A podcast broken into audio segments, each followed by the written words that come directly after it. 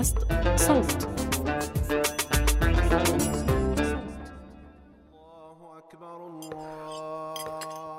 اللهم إني لك صمت وعلى رزقك أفطرت ذهب الظمأ وابتلت العروق وثبت الأجر إن شاء الله.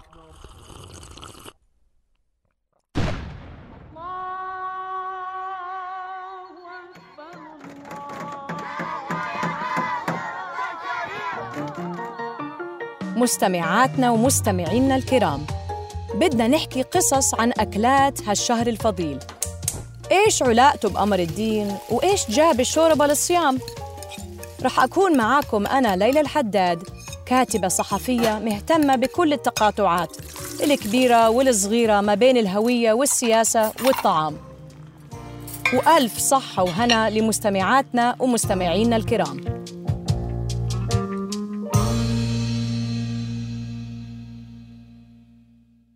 الشوربة إيش ما كان نوعها؟ هي بلا شك واحدة من أهم الأطباق اللي لازم تكون على سفرة رمضان اللي منفتتح فيها وجبة الإفطار. الشوربة موجودة من زمان زمان كتير من بداية الطبخ يعني من شي قبل عشرين ألف سنة. مش مصدقيني؟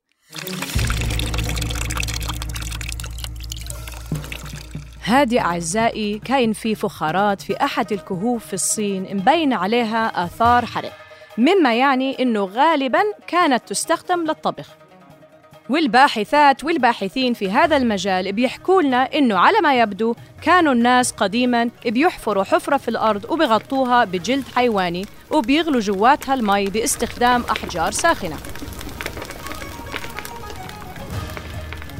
طب الإنسان القديم هاد بلا مؤاخذة يعني إيش خطر على باله ليعمل شوربة؟ هالشوربة يا أعزائي ساعدت على طبخ اللحوم والخضار بشكل أسرع وأفضل. وكمان طبخ الأكل في المي بيساعد على إبراز النكهات غير إنه بجمل قوامها وبيعطينا فرصة نتفنن بالمكونات. مثلا شوربة ملوخية، يخني بطاطا ولحمة، شوربة عدس إلى آخره. بس الإنسان القديم غالباً كان عنده وقت وفضاوة بال أكثر من الإنسان المعاصر اللي دائماً ملحوق بالوقت. وبطبيعة الحال تغير شكل الشوربة وطريقة صنعها والمكونات اللي بتدخل فيها وزادت أنواعها. اليوم حبينا نركز على الشعرية سريعة التحضير. عرفتوها؟ أيوة الإندومي. من وقت ما بدأنا نشتغل على هالحلقة وإحنا عم نحاول نفهم كيف ازدهر سوق الطعام سريع التحضير بما يشمل ذلك شوربة أندومي أو شوربة البودرة مثل ماجي اللي بسهولة بتتحول لشوربة أو حتى الكشري اللي صار ينباع بكاسات جاهزة سريعة الإعداد. أيوة سمعتوني صح. كشري سريع التحضير اسمه تكتك مكونات الكشري اللي بنحبها هي هي. لو هتشتريه من بره أو هتعمله في البيت. المهم خلال بحثنا لقينا مقال عن الإندومي منشور على موقع حبر. تواصلنا مع محمد كاتب المقال لنعرف منه أكثر إيش اللي خلاه يكتب عن الموضوع. أه، تجربتي الشخصية كانت متعلقة بضيق الوقت سواء كان بمرحلة الدراسة أو لاحقا مرحلة العمل يعني. فهذا الوقت الواحد ضيق بيكون عم بيحاول يستغله بكل الطرق الممكنة أكل شرب راحة أيا كان يعني. ففي هي الصورة اللي بضل مرافقته للواحد اللي هي مايكروويف أو غاز يعني. وفي هذا الصحن اللي بيكون بحالة المايكروويف عم بدور من الجهة الثانية الواحد ناطره من ورا الإزاز إنه يلا صار بدي آكل أو بحالة الغاز إنه استوى ما استوى.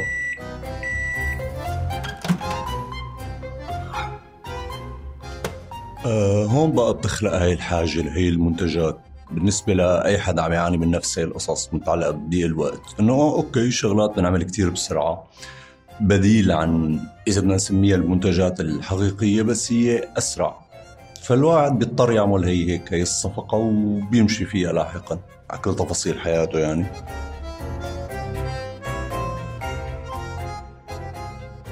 وهذا الحكي مو بس بينطبق على الإندومي هذا الشيء بينعمل نفسه عن الثلاثة بواحد أو النسكافيه أو القهوة سريعة التحضير ايا كان اسمها يعني هذا الشيء ببلش كمان بمرحلة الدراسة بعدين بصير جزء من السيستم أو الهوية الجامعية. هاي الصورة الجامعية المثالية حياة طلابية طالب أو طالبة معهم كاس ثلاثة بواحد وعم بيمارسوا أي شيء تاني.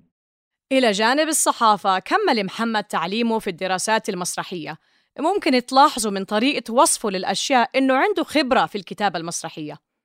آه، الإندومي اللي هي بصراحة يعني أنا هلأ بتذكر إنه إيه الثلاث وجبات الرئيسية اللي هن فطور غدا عشاء. أنا بالثلاث وجبات ثلاث طرق حاطط سابقا الإندومي بقلبهم. يعني سواء بدنا نحط وجبة فطور وقتها بيقنع الواحد حاله إنه أوكي هذا فطور سخن لذيذ. أو كغدا هون يمكن النكهات تلعب شوية دور إنه آه اليوم دجاج خلص نكهة الدجاج بديل عن الدجاج الحقيقي أو أي شيء آخر وحتى كهيك عشاء متأخر بالليل إنه حدا عم يشتغل بالليل ما راح يقوم يعمل وجبة حقيقية فخلص في يحط هذا البديل السريع بهاي الفجوة اللي صارت عنده.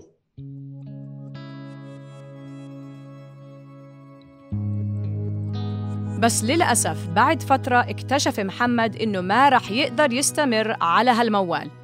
كان لازم علاقة الغرام بينه وبين الإندومي تنتهي بطريقة تراجيدية مش قلت لكم بحب المسرح؟ والمسرح بحبه كمان. هلأ اليوم على الجهة الثانية أنا في يعني شخصيا أنا في عندي شغلة اللي هي السكري اللي هي طلبت مني مؤخرا نصير طلع على هي المواضيع بطريقة شوي مختلفة أو أبطأ أو أهدى. يعني هذا كان بالنسبة لي إلزام إضافي. إنه صرت مجبر أتأمل هي طريقة الاستهلاك تبعي كيف بدي غيرها. لازم اقطعهم لكذا سبب مثل السعرات الحرارية اللي هي المنتجات يعني بتحتويها معنا أكثر شغلات ملائمة بالنسبة لحدا مثلي. حدا بيكون عم يعد هي السعرات عد اللي بيقدر يستهلكهم باليوم الواحد. فمؤخرا اضطريت وقف هدول الشغلات.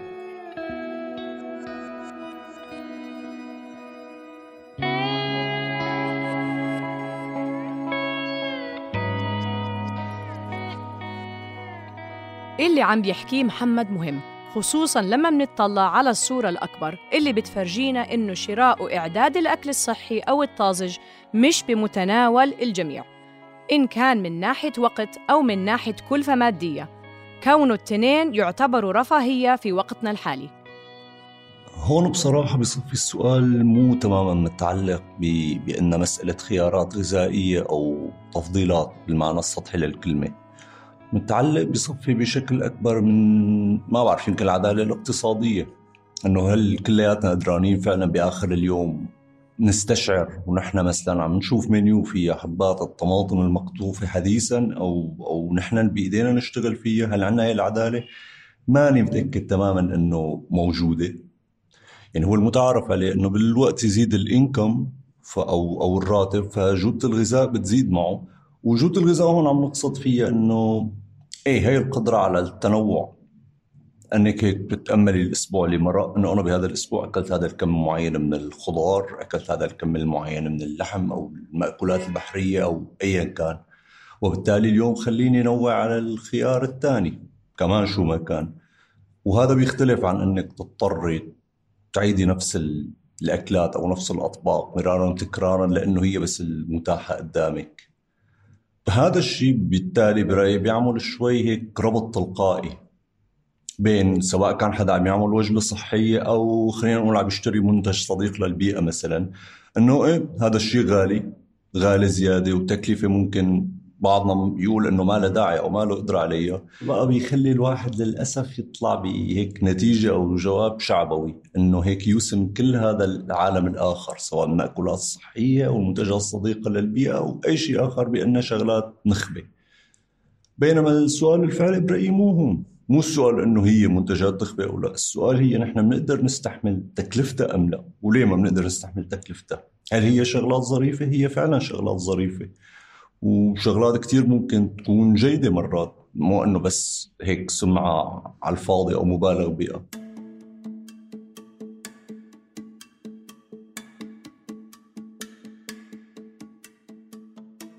الوجبات سريعة التحضير وخصوصا الإندومي فيها سعرات حرارية عالية ونسبة صوديوم لا بأس بها وبنفس الوقت ما بتزود الجسم بكمية بروتين أو ألياف تذكر.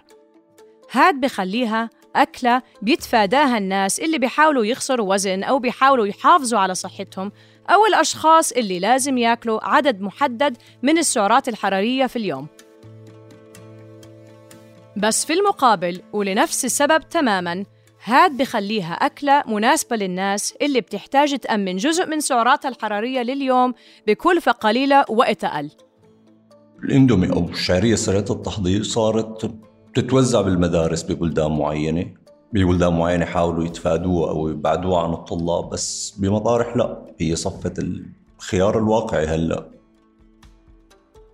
والموضوع مش مقتصر على المدارس. بسنة 2015 توجهت الحكومة الهندية لمنع شعرية ماجي لاحتوائها على مادة رصاص بدرجات خطيرة. بس بعد أخذ وعطى مع المحكمة خفضت شركة نسلي الشركة الأم لماجي نسبة الرصاص ورجعت انسمحت بالأسواق. حتى بعد شوية بحبشة لقينا إنه إندومي شخصياً ممنوع في تايوان بسبب خطورته على الصحة. يعني بأماكن معينة بقلب الكتاب اللي كنت عم بعتمد عليه بشكل رئيسي لكتابة المقالة في أنماط شوي غريبة للاستهلاك بالمدارس إنه بيتعاملوا مع العلبة الواحدة على إنها وجبة من ثلاث أقسام. هذا الشيء متعلق بالباحات أو فرص استراحات الغداء اللي بالمدارس. فهي فرصة بتكون إنه بتاكلي نصف الوجبة الشعرية وباستراحة تانية أنت بتاكلي النص الثاني بس ملفوف بنوع من الخبز مشان يصير بشبع. والاستراحة الثالثة بتنشرب الشوربة تبعها نفسها يعني. هاي التركيبة تبعها هيك وهي التركيبة تبعها نفسها اللي بتخليها مرات إنه خيار مفضل بالنسبة لجهود الإغاثة مثلا أو نوع من الوجبات اللي بتنبعث للمناطق اللي فيها نوع من الكوارث البيئية أو الحروب أو سواها.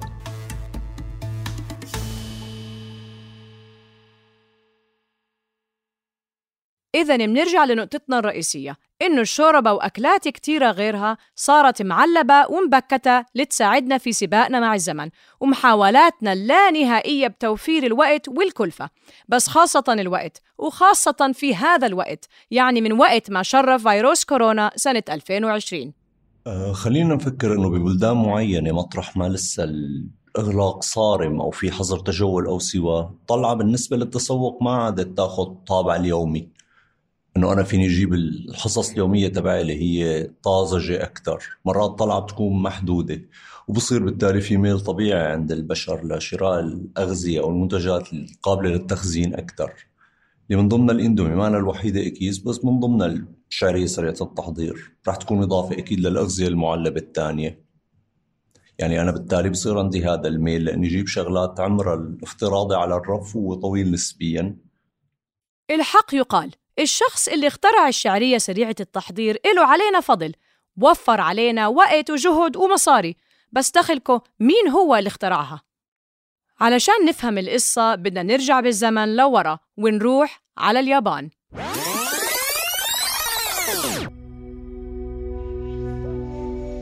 هاد يا أعزائي سنة 1945 يعني أول ما خلصت الحرب العالمية الثانية كان في قحط بالطعام وكان في إقبال على عربات النودلز أو الرامن في الشوارع. فراح شخص اسمه موموفوكو فكر بصناعة منتج محبوب وبسعر بسيط كحل للمشكلة. ضل يجرب وصفات مختلفة لحد ما وصل لفكرة استلهمها من طبق التمبورا الياباني. فإيش صار يعمل؟ صار يزت هالنودلز بزيت سخن ويطلعها عشان تجمد وتحافظ على قوامها. وكل اللي بضل على الأكلة يعملوه هو إنهم يضيفوا المي السخنة والمنكهات.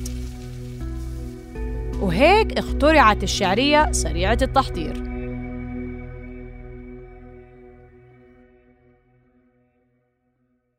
بس طبعا علشان ينتشر المنتج هاد كان لابد إنه تتغير مواصفاته وطريقة تعليبه من بلد للتانية.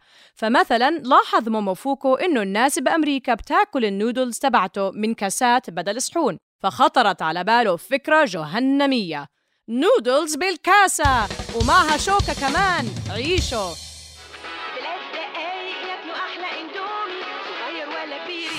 وأحد أهم أسباب انتشار هذا النوع من النودلز هو إنه نكهتها ممكن تتغير بسهولة بناء على مكان تواجدها.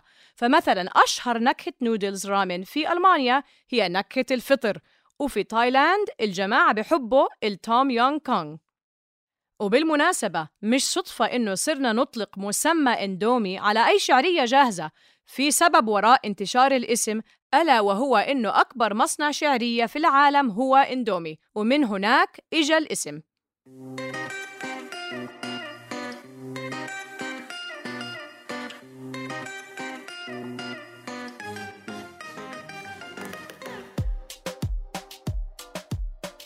النودلز موجودة لليوم مع كل التغيرات اللي مرت فيها والتغيير على ما يبدو مستمر. عم منشوف مؤخرا إنه نفس هاي المنتجات عم بتكون معروضة بشكل جديد بيوعدنا إنه أقل ضرر. فمثلا بدأنا نشوف منتجات شعرية سريعة التحضير بتحتوي على صوديوم أقل أو خالية من المواد المعدلة جينياً أو مثلا تخلو من السكر أو الجلوتين.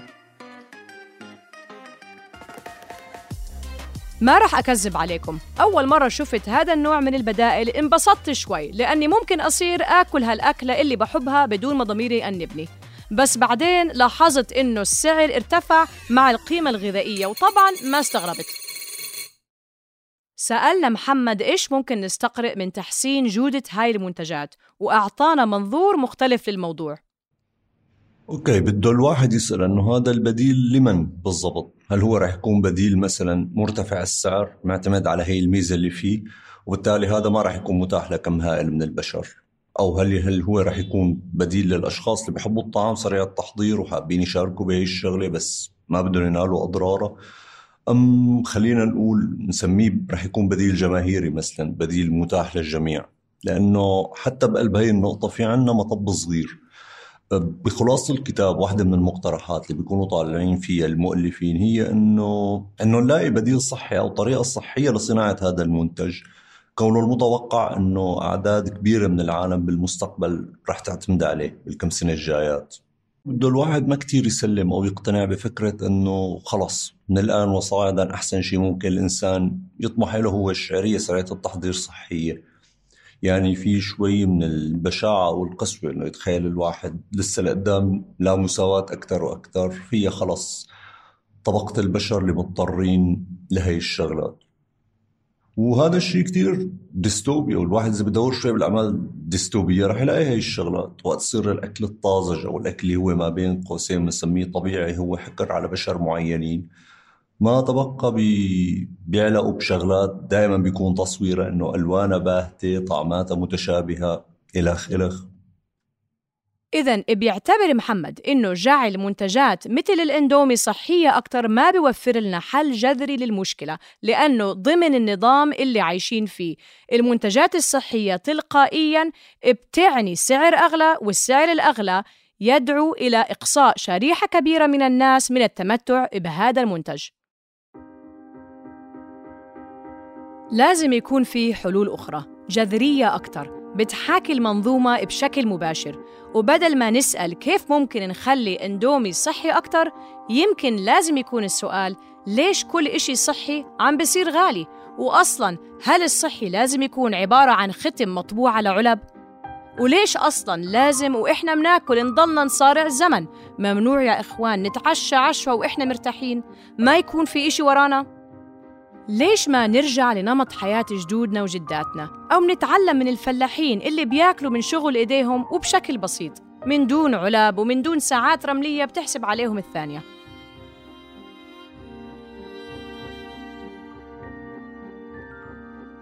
مين كان مفكر إنه الحديث عن الشوربة رح ياخدنا لهنا؟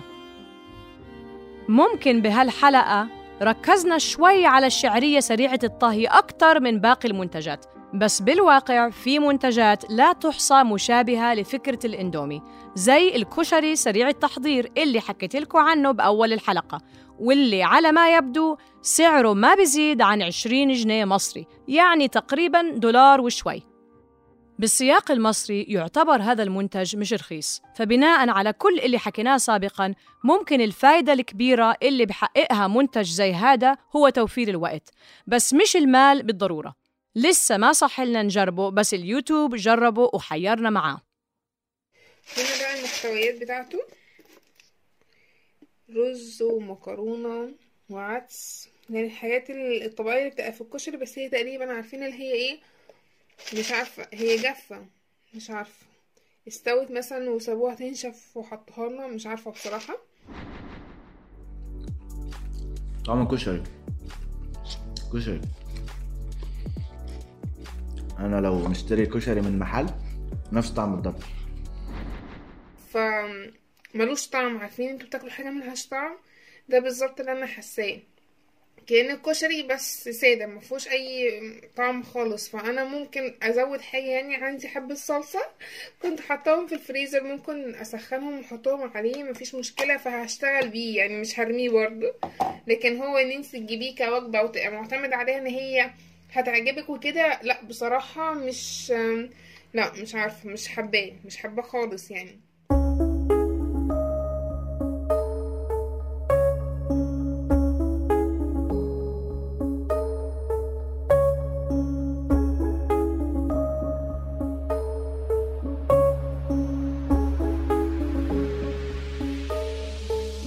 فهيك كان سبب كتابة المقال. بشكل رئيسي إنه كنت عم ندور والمخرجات اللي طلعت معي أكدت لي أكثر إنه هذا الشيء مو تماما شغلة ذاتية. بحت هاي الشغلة هي مفهومة بالنسبة لعالم آخرين. عالم عم بيستهلكوا هذا الشيء بما فيهم أنا يعني حتى وقت كنت عم بكتب المقال. فيعني هاي الفكرة اللي كان بدي أقولها إنه الأكل أو ماذا ناكل هو واحدة من الساحات اللي الواحد فيها يطلع اليوم على الحالة العامة.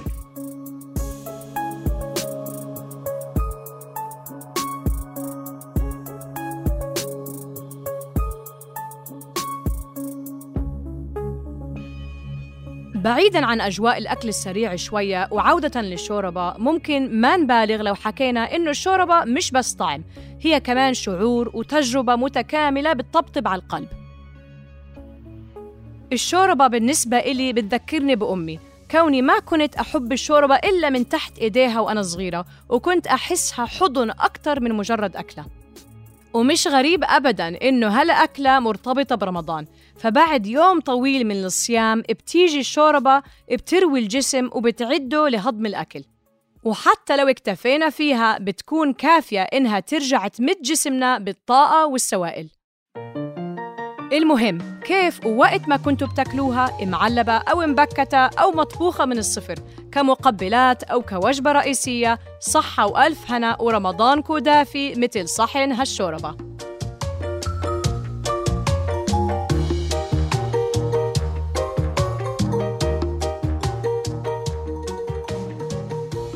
هاي الحلقة من إعداد وكتابة جنى قزاز. تحرير تالا العيسى. بحث دينا عبد الله تصميم الصوت لمحمود أبو ندى. النشر والتواصل مرام النبالي وبيان حبيب. وكنت معكم من التقديم ليلى الحداد. لتوصلكم تنبيهات الحلقات الجديدة. اتأكدوا إنكم تضغطوا على زر الاشتراك أو تعملوا سبسكرايب بقناة مهضوم على تطبيقات البودكاست اللي عم تسمعونا عبرها. وإذا عم تسمعونا على أبل بودكاست ما تنسوا تتركوا لنا تقييم أو تعليق. بودكاست مهضوم من إنتاج صوت.